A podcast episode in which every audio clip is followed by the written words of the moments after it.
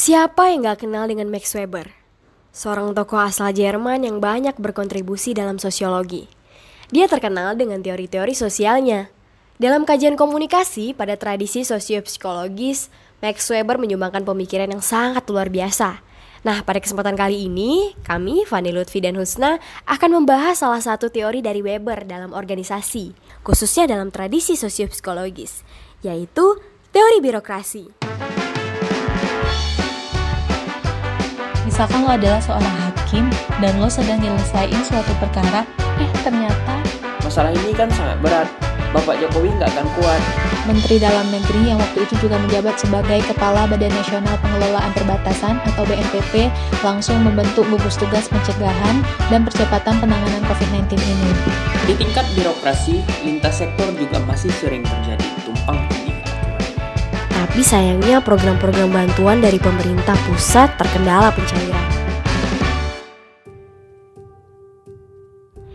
Birokrasi merupakan suatu sistem pengorganisasian negara dengan tugas yang sangat kompleks, dengan memerlukan pengendalian operasi manajemen pemerintah yang sangat baik. Secara empiris, em, birokrasi identik dengan aparatur pemerintah yang mempunyai tiga dimensi, yaitu organisasi, sumber daya manusia, dan manajemen. Hadirnya birokrasi sebagai konsekuensi logis dari tugas utama negara atau pemerintah untuk menyelenggarakan kesejahteraan masyarakat negara dituntut untuk terlibat secara langsung dalam memproduksi barang dan jasa yang diperlukan oleh rakyatnya. Dalam keadaan tertentu, negara memutuskan apa yang terbaik bagi rakyatnya. Untuk itu, negara membangun sistem administrasi yang bertujuan untuk melayani kepentingan rakyat yang disebut birokrasi. Max Weber menciptakan model tipe ideal birokrasi yang menjelaskan bahwa suatu birokrasi atau administrasi mempunyai suatu bentuk yang pasti di mana semua fungsi dijalankan dalam cara-cara yang rasional. Nah teman-teman, menurut Max Weber, tipe ideal birokrasi yang rasional itu dilakukan dalam beberapa cara. Yang pertama, individu pejabat secara personal memang bebas. Akan tetapi dia dibatasi oleh jabatannya manakala ia menjalankan tugas-tugas atau kepentingan individual dalam jabatan tersebut. Pejabat tidak bebas menggunakan jabatannya untuk keperluan dan kepentingan pribadinya, termasuk keluarganya. Misalkan, misalkan lo adalah seorang hakim dan lo sedang nyelesain suatu perkara, eh ternyata terdakwanya itu adalah adik kandung lo sendiri, saudara lo. Dan lo gak bisa dong tiba-tiba belain saudara lo yang terbukti salah. Gak bisa, karena lo itu dibatasi oleh jabatan lo sebagai seorang hakim yang pernah disumpah jabatan. Makanya, lo harus tetap menyelesaikan perkara itu seadil-adilnya tanpa pandang bulu. Yang kedua, jabatan-jabatan itu disusun dalam tingkatan hierarki dari atas ke bawah dan ke samping. Konsekuensinya, ada jabatan atasan dan bawahan, dan ada pula yang menyandang kekuasaan lebih besar dan lebih kecil. Kayaknya ini udah cukup jelas ya. Misalkan dalam suatu organisasi, paling atas ada ketua, di bawahnya sekretaris, bendahara, terus koordinator dari masing-masing divisi. Nanti per divisi ada lagi anggotanya. Si ketua sebagai lapisan paling atas itu punya kuasa dan kedali penuh terhadap anggota anggota di bawahnya, sekretaris, bendahara, koordinator, sampai ke anggotanya. Sementara si koordinator nih dari masing-masing divisi dia punya dia hanya punya kuasa terhadap anggotanya kayak gitu. Makanya di sini uh, setiap lapisan paling atas itu punya kekuasaan yang lebih besar dibandingin uh, lapisan di bawahnya. Yang ketiga, tugas dan fungsi masing-masing jabatan itu dibagi ke dalam bentuk hierarki yang secara spesifik berbeda satu sama lain. Kayak bendahara udah pasti kerjaannya beda sama sekretaris. Bendahara fokusnya masalah pembukuan keuangan, laporan keuangan, pokoknya yang berbau keuangan. Sementara si sekretaris itu berhubungan yang yang namanya surat menyurat dan lain sebagainya. Ada job desk-nya masing-masing. Yang keempat, setiap pejabat mempunyai kontrak jabatan yang harus dijalankan. Uraian tugas masing-masing pejabat merupakan domain yang menjadi wewenang dan tanggung jawab yang harus dijalankan sesuai dengan kontrak. Yang kelima, setiap pejabat diseleksi atas dasar kualifikasi profesionalitasnya. Idealnya, hal tersebut dilakukan melalui ujian yang kompetitif. Yang keenam, setiap pejabat mempunyai gaji termasuk hak untuk menerima pensiun sesuai dengan tingkatan hierarki jabatan yang disandangnya. Setiap pejabat bisa memutuskan untuk keluar dari pekerjaannya dan jabatannya sesuai dengan keinginannya dan kontraknya, bisa diakhiri dalam keadaan tertentu. Misalkan kalau kayak PNS ya, itu ada golongan 1, 2, 3, 4, dan tiap-tiap golongan itu gajinya udah pasti beda-beda, kayak gitu. Terus yang ketujuh, terdapat struktur pengembangan karir yang jelas dengan promosi berdasarkan senioritas dan merit sesuai dengan pertimbangan yang objektif. Yang kedelapan, setiap pejabat sama sekali tidak dibenarkan menjalankan jabatannya dan resource instan instansinya untuk kepentingan pribadi dan keluarganya. Sama deh kayak poin yang pertama tadi. Yang kesembilan, setiap pejabat berada di bawah pengendalian dan pengawasan suatu sistem yang dijalankan secara disiplin. Selain itu teman-teman, sifat yang menonjol dari konsep birokrasi Max Weber itu adalah harus ada prinsip kepastian dari hal-hal kedinasan, diatur dengan hukum yang biasanya diwujudkan dalam berbagai peraturan atau ketentuan administrasi. Yang kedua, prinsip tata jenjang kedinasan dan tingkat kewenangan agar terjadi keserasian kerja, keharmonisan, dan rasionalitas. Yang ketiga, ada manajemen yang modern haruslah didasarkan pada dokumen-dokumen yang tertulis. Yang keempat, spesialisasi dalam manajemen atau organisasi harus didukung oleh keahlian yang terlatih. Kemudian, hubungan kerja di antara orang dalam organisasi didasarkan atas prinsip impersonal. Yang keenam, aplikasi kelima tersebut pada organisasi pemerintahan dan juga semuanya terkait dengan organisasi pemerintahan tidak bisa menghindar dari sentuhan aktivitas pemerintah. Jadi dalam menjalankan birokrasi itu tidak lepas dari tiga prinsip, yaitu otoritas, regulasi, dan spesialisasi. Otoritas hadir bersamaan dengan kekuasaan, tetapi dalam organisasi, otoritas harus sah atau disahkan secara formal oleh organisasi. Maksudnya, pada saat pembentukan struktural dalam suatu organisasi tidak semata-mata diberikan begitu saja. Nah, namun ada pengesahan secara formal yang dilakukan. Misalnya kita ambil contoh pemilihan presiden dalam suatu negara.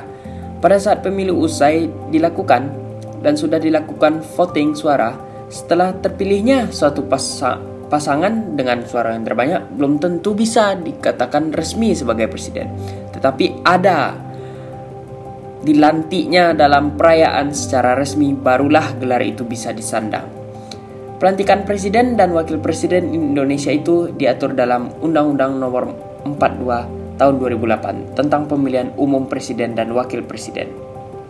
Pada pasal 161, pasal 162 dan pasal 163. Dalam pasal 161 itu um, UU nomor 42 tahun 2008 uh, yang menjelaskan pemilu presiden dan wakil presiden disebutkan pasangan calon terpilih dilantik menjadi presiden dan wakil presiden itu dipilih oleh uh, eh, MPR atau Majelis Permusyawaratan Rakyat. Nah, cara terbaik untuk mengorganisir otoritas legal yang rasional menurut Weber uh, adalah dengan cara hierarki. Ada struktur bertingkat seperti piramida Hierarki dijelaskan oleh regulasi dalam organisasi tersebut. Setiap lapisan memiliki otoritas resminya, dan hanya kepala organisasi yang memiliki suatu keotoritasan itu penuh dan menyeluruh. Misalnya, uh, dalam dunia kampus, masing-masing dekan dalam menjalankan tugasnya memiliki otoritas dalam pembentukan keputusan. Namun, Keputusan tersebut harus meminta persetujuan dari rektor universitas yang menjadi lapisan tertinggi dalam ruang lingkup kampus. Nah, prinsip yang kedua adalah spesialisasi. Spesialisasi adalah kondisi di mana pekerja dibagi menurut keahliannya sehingga adanya pembagian kerja dan melakukan pekerjaan sesuai porsinya masing-masing yang telah ditetapkan. Nah, prinsip yang ketiga adalah regulasi. Regulasi berfungsi untuk mengatur perilaku seseorang. Baiklah teman-teman, sebelumnya kita sudah membahas tentang teori birokrasi yang dikemukakan oleh Max Weber dan untuk lebih mudah dipahami dan dimengerti kita akan melihat bagaimana implementasi daripada teori birokrasi itu sendiri di negara kita Indonesia. Kita akan mencoba menganalisa suatu kasus dan pada kali ini kami mengangkat kasusnya itu tentang bagaimana pemerintah negara Indonesia menerapkan birokrasi-birokrasi dan kebijakan di tengah pandemi COVID-19 yang kita rasakan saat sekarang ini. Tapi sebelumnya kita highlight lagi bahwasannya birokrasi Itu adalah suatu sistem administrasi yang bertujuan untuk melayani kepentingan rakyatnya. Sekarang kita coba analisis kasus uh, penerapan birokrasi di tengah pandemi ini. Virus corona pertama kali diumumkan oleh Bapak Presiden Joko Widodo yang waktu itu didampingi oleh Bapak Terawan Agus Putranto, Menteri Kesehatan, dan Bapak Pratikno, Menteri Sekretaris Negara, dan Bapak Pramono Agung, Sekretaris Kabinet pada tanggal 2 Maret. Pada saat itu kita bisa melihat bagaimana masyarakat Indonesia itu bereaksi sangat cemas dan takut akan kemunculan virus corona yang pertama itu. Dan banyak media-media online itu merilis berita-berita terkait virus corona dan informasi-informasi yang beredar di masyarakat itu tidak sepenuhnya valid, masih banyak informasi-informasi yang mengandung hoax yang malah membuat masyarakat Indonesia ini semakin uh, ricuh dan uh, panik seperti itu. Maka untuk menangani hal eh, hal-hal uh, seperti itu Bapak Presiden Bapak Jokowi langsung menunjuk uh, Bapak Ahmad Yuryanto yang waktu itu menjabat sebagai Sekretaris Direktorat Jenderal Pencegahan dan Pengendalian Penyakit Kementerian Kesehatan sebagai juru bicara pemerintah untuk penanganan COVID-19 ini. Dan kalau kita lihat lagi nih teman-teman, keputusan yang dibuat Bapak Presiden itu udah keputusan yang tepat karena menurut kami untuk meredam isu-isu yang beredar di tengah-tengah masyarakat uh, harus ada uh, sumber-sumber informasi yang menyediakan informasi-informasi yang valid dan uh, akurat dengan adanya Bapak Yuryanto yang ditunjuk langsung oleh Presiden sebagai juru bicara uh, pencegahan COVID-19 ini bisa membuat informasi-informasi yang uh, disebarkan kepada masyarakat itu menjadi lebih akurat, terarah, dan sama. Mulai saat itu, teman-teman, Bapak Jokowi langsung memerintahkan kepada seluruh menteri di Indonesia untuk meningkatkan langkah-langkah ekstra dalam menangani pandemi global COVID-19 ini. Kita bisa lihat Menteri Dalam Negeri yang waktu itu juga menjabat sebagai Kepala Badan Nasional Pengelolaan Perbatasan atau BNPB langsung membentuk gugus tugas pencegahan dan percepatan penanganan COVID-19 ini. Kemudian tidak lupa Bapak Jokowi memerintahkan kepada seluruh gubernur, bupati, dan wali kota untuk terus memonitor kondisi daerah dan terus berkonsultasi dengan pakar medis dalam menelaah setiap situasi dan membuat kebijakan untuk beraktivitas di rumah aja.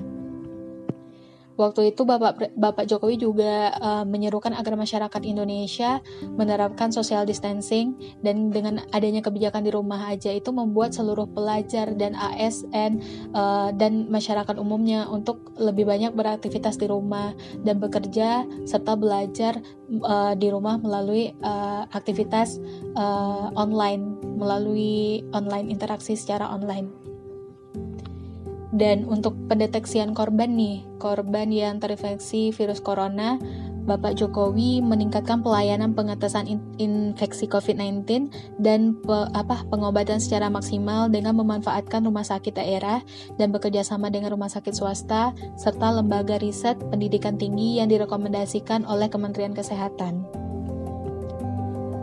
Untuk bagaimana semua eh, kebijakan-kebijakan uh, itu bisa dijalankan dengan baik oleh pemerintah daerah, Bapak Presiden Jokowi memerintahkan untuk memberikan dukungan anggaran yang memadai agar bisa digunakan secara efektif dan efisien, di mana dukungan tersebut merujuk pada Undang-Undang Nomor 24 Tahun 2007 tentang penanggulangan bencana yang memungkinkan pemerintah pusat dan pemerintah daerah untuk memprioritaskan penggunaan anggaran secepatnya dibantu oleh Menteri Keuangan juga sudah mengeluarkan peraturan-peraturan dan pedoman untuk penyediaan anggaran yang diperlukan oleh seluruh kementerian atau lembaga juga pemerintah daerah dan gugus tugas dalam percepatan penanganan COVID-19. dengan kebijakan yang diterapkan uh, banyak masyarakat Indonesia yang uh, menjadi orang yang terdampak akibat COVID-19 ini sehingga Bapak Jokowi memastikan ketersediaan bahan kebutuhan pokok yang cukup memadai untuk memenuhi kebutuhan masyarakat. Pemerintah memberikan insentif kebijakan ekonomi sebagaimana telah diumumkan oleh Menteri uh, Perekonomian dan jajaran Kementerian Perekonomian untuk menjaga kegiatan dunia usaha yang telah berjalan agar tetap berjalan seperti biasa. Dengan begitu bisa membantu agar uh, perekonomian negara tidak uh, terlalu jatuh seperti itu. Tapi ternyata teman-teman semakin hari jumlah kasus uh, pasien yang terinfeksi virus corona positif itu semakin bertambah sehingga Bapak Jokowi uh, memerintahkan atau membuat suatu menerapkan kebijakan baru yang biasa yang kita sebut dengan PSBB atau pembatasan sosial berskala besar. Sesuai undang-undang, PSBB ini ditetapkan oleh Menteri Kesehatan yang berkoordinasi dengan gugus tugas gugus tugas penanganan COVID-19 dan kepala daerah. Pemerintah menerbitkan peraturan perintah pemerintah untuk menentukan kriteria serta pelaksanaannya. Ada beberapa data dan administrasi yang harus dilengkapi oleh suatu daerah untuk pengajuan permohonan PSBB ini sebelum disetujui oleh uh, Menteri Kesehatan yaitu Bapak uh, Agus Terawan. Tapi teman-teman ternyata sistem PSBB yang diterapkan oleh pemerintah ini tidak dinilai positif oleh seluruhnya oleh masyarakat Indonesia. Tidak sedikit masyarakat yang menilai bahwasannya kebijakan PSBB ini sangat birokratis dan berbelit-belit. Kenapa demikian? Kita belajar dari contoh kasus Bapak Anies Baswedan, Gubernur DKI Jakarta yang waktu itu mengajukan permohonan PSBB kepada Bapak Terawan, tetapi malah pengajuannya tersebut dikembalikan karena ada beberapa data dan administrasi yang tidak uh, dilengkapi oleh Bapak Anies. Kemudian setelah dilakukan revisi-revisi revisi, akhirnya pengajuan tersebut bisa diterima oleh Bapak Terawan. Tapi tetap masyarakat menilai bahwasannya birokrasi yang diterapkan pemerintah itu bukan malah mempercepat penanganan COVID-19, tapi malah mengulur-ngulur waktu sehingga penyebaran virus corona ini semakin hari semakin bertambah. Tapi Bapak Jokowi uh, menyanggah itu semua. Bapak Jokowi menyangka semua pernyataan yang mengatakan bahwasannya uh, birokrasi PSBB ini berbelit-belit disanggah oleh Bapak Jokowi. Bahkan Bapak Jokowi mengatakan bahwasannya uh, pemerintah tidak ingin sembarangan dalam memutuskan penerapan kebijakan PSBB di suatu wilayah. Karena Bapak Jokowi masih mempertimbangkan uh, kemampuan suatu wilayah itu untuk menerapkan PSBB dengan melihat kemampuan masyarakatnya, apakah masyarakatnya uh, sanggup apabila kebijakan PSBB itu dilakukan atau tidak. Di tingkat birokrasi, lintas sektor juga masih sering terjadi tumpang tindih aturan. Permen Hub nomor 18 tahun 2020 berisi ketentuan yang sangat ambigu tentang pembatasan penggunaan alat transportasi pribadi maupun umum. Di satu sisi dalam pasal 11 ayat C membatasi penggunaan kendaraan roda 2 hanya untuk mengangkut barang. Namun pada Ayat D malah memungkinkan pengangkutan orang dengan protokol ketat. Nah, di sini semua kan bertentangan dengan UU nomor 6 tahun 2018 tentang karantinaan kesehatan dan juga PP Permenkes serta pergub yang ada terkait PSBB-nya. Nah, Presiden juga membuat kebijakan program bantuan untuk menjamin kesejahteraan masyarakat yang terdampak COVID-19. Program bantuan berupa program keluarga harapan yang diberikan kepada 10 juta keluarga, kartu sembako berupa insentif sebesar 600 ribu selama 4 bulan, pembebasan tarif listrik, bantuan sosial yang dialokasikan untuk 2,6 juta jiwa dengan besaran 600 ribu per bulan selama 3 bulan, dan bantuan lainnya. Tapi sayangnya program-program bantuan dari pemerintah pusat terkendala pencairan. Sejumlah kepala daerah menilai aturan yang pemerintah buat berbelit-belit dan menimbulkan masalah baru. Salah satunya peristiwa yang dialami Bupati Bolang Mongondo Timur, Sehan Salim Lanjar, yang mencak-mencak ke sejumlah menteri karena tidak bisa menyalurkan beras yang sudah dibeli ke masyarakat yang berhak. Ia berdalih program BLT yang pemerintah keluarkan membuat warga tidak boleh mendapat bantuan lainnya. Di sini dapat kita lihat Menurut kajian Max Weber tentang ideal birokrasi yang rasional dapat dilakukan dalam berbagai cara yang kami sampaikan di awal tadi. Salah satu caranya adalah pejabat berada di bawah pengendalian dan pengawasan suatu sistem yang dijalankan secara disiplin. Berkaitan dengan sistem tadi, Bupati Bolang Mongondo mengalami kendala atas sistem yang dikendalikan oleh pemerintah untuk dapat langsung memberikan bantuan kepada masyarakat. Padahal sistem yang diajukan pemerintah tersebut semata-mata untuk mengendalikan pemberian sembako secara adil dan merata. Oke teman-teman, begitulah kondisi birokrasi pemerintah Indonesia di tengah pandemi global COVID-19 ini. Kita bisa lihat bagaimana birokrasi itu dirancang sedemikian rupa untuk menyelenggarakan kesejahteraan masyarakat Indonesia. Birokrasi tersebut menjadi suatu sistem administrasi yang melayani kepentingan rakyat Indonesia. Pada contoh kasus di atas, kita semakin melihat dan sangat-sangat melihat jelas susunan hierarkis dari pemerintah Indonesia, di mana presiden memiliki kendali penuh terhadap kebijakan-kebijakan kebijakan yang dibuat, serta memiliki otoritas untuk mengatur bagian-bagian lainnya.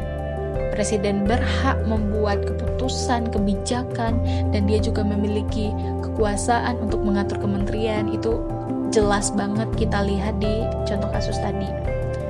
Kemudian, semua himbauan dari Presiden Jokowi ini diterima dan dijalankan oleh seluruh menteri-menteri yang memiliki kekuasaan lebih kecil dari presiden. Mereka menjalankan peran dan tanggung jawab mereka sesuai porsi dan pembagian tugas masing-masing, seperti Kemensos yang mengurus program perlindungan sosial dan stimulus ekonomi untuk jaring pengamanan sosial. Kemudian, Kementerian Kesehatan mengurus segala hal dalam bidang kesehatan terkait COVID-19.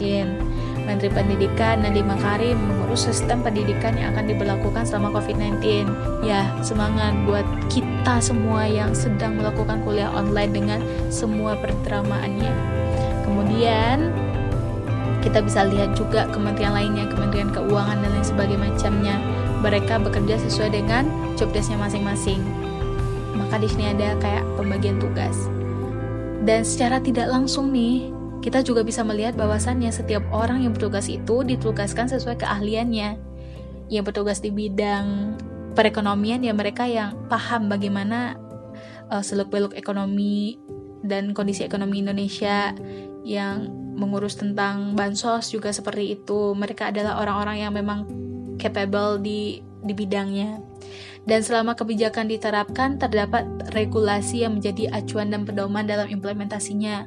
Kayak PSBB tadi tuh yang bikin Pak Anies jadi belit-belit. Karena ada regulasi yang ngaturnya biar itu uh, bi, uh, biar, biar apa biar kebijakan itu bisa dijalankan secara sistematis kayak gitu. Kemudian uh, yang harus kita ingat nih sebenarnya regulasi itu bukan membuat kita sulit, bukan mempersulit kita, bukan. Tetapi regulasi itu dibuat semata-mata untuk mengatur bagaimana sistem yang dibentuk itu dapat berjalan lancar dan mengurangi ris resiko kekacauan. Seperti itu. Bagaimana teman-teman? Apakah sudah terlihat birokrasi sebagai suatu sistem perorganisasian? Dengan tugas yang sangat kompleks dan memerlukan pengendalian operasi manajemen. Nah, coba sekarang teman bayangkan jika tidak ada birokrasi, mana mungkin sanggup Bapak Presiden Jokowi menangani masalah pandemi ini sendirian? Masalah ini kan sangat berat. Bapak Jokowi nggak akan kuat. Masalah ini juga serius, harus ditangani juga dengan serius. Birokrasi membuat semuanya menjadi sistematis. Walau tak sedikit, birokrasi dianggap berbelit-belit dan banyak yang menentang. Tetapi ingat, bukanlah suatu hal yang mudah untuk menetapkan suatu kebijakan dan membuat sistem yang mengaturnya. So, semoga dengan podcast ini teman-teman lebih memahami bagaimana suatu organisasi memaksimalkan sumber dayanya dan membangun sistem kerja yang efektif dan efisien, serta membuat regulasi sebagai acuan agar birokrasinya terarah. Dengan begitu, tujuan daripada organisasi tersebut akan lebih mudah dicapai. Terima kasih sudah mendengarkan, tetap jaga kesehatan. Semoga kondisi negara akibat pandemi ini tidak akan berakhir lama. See you!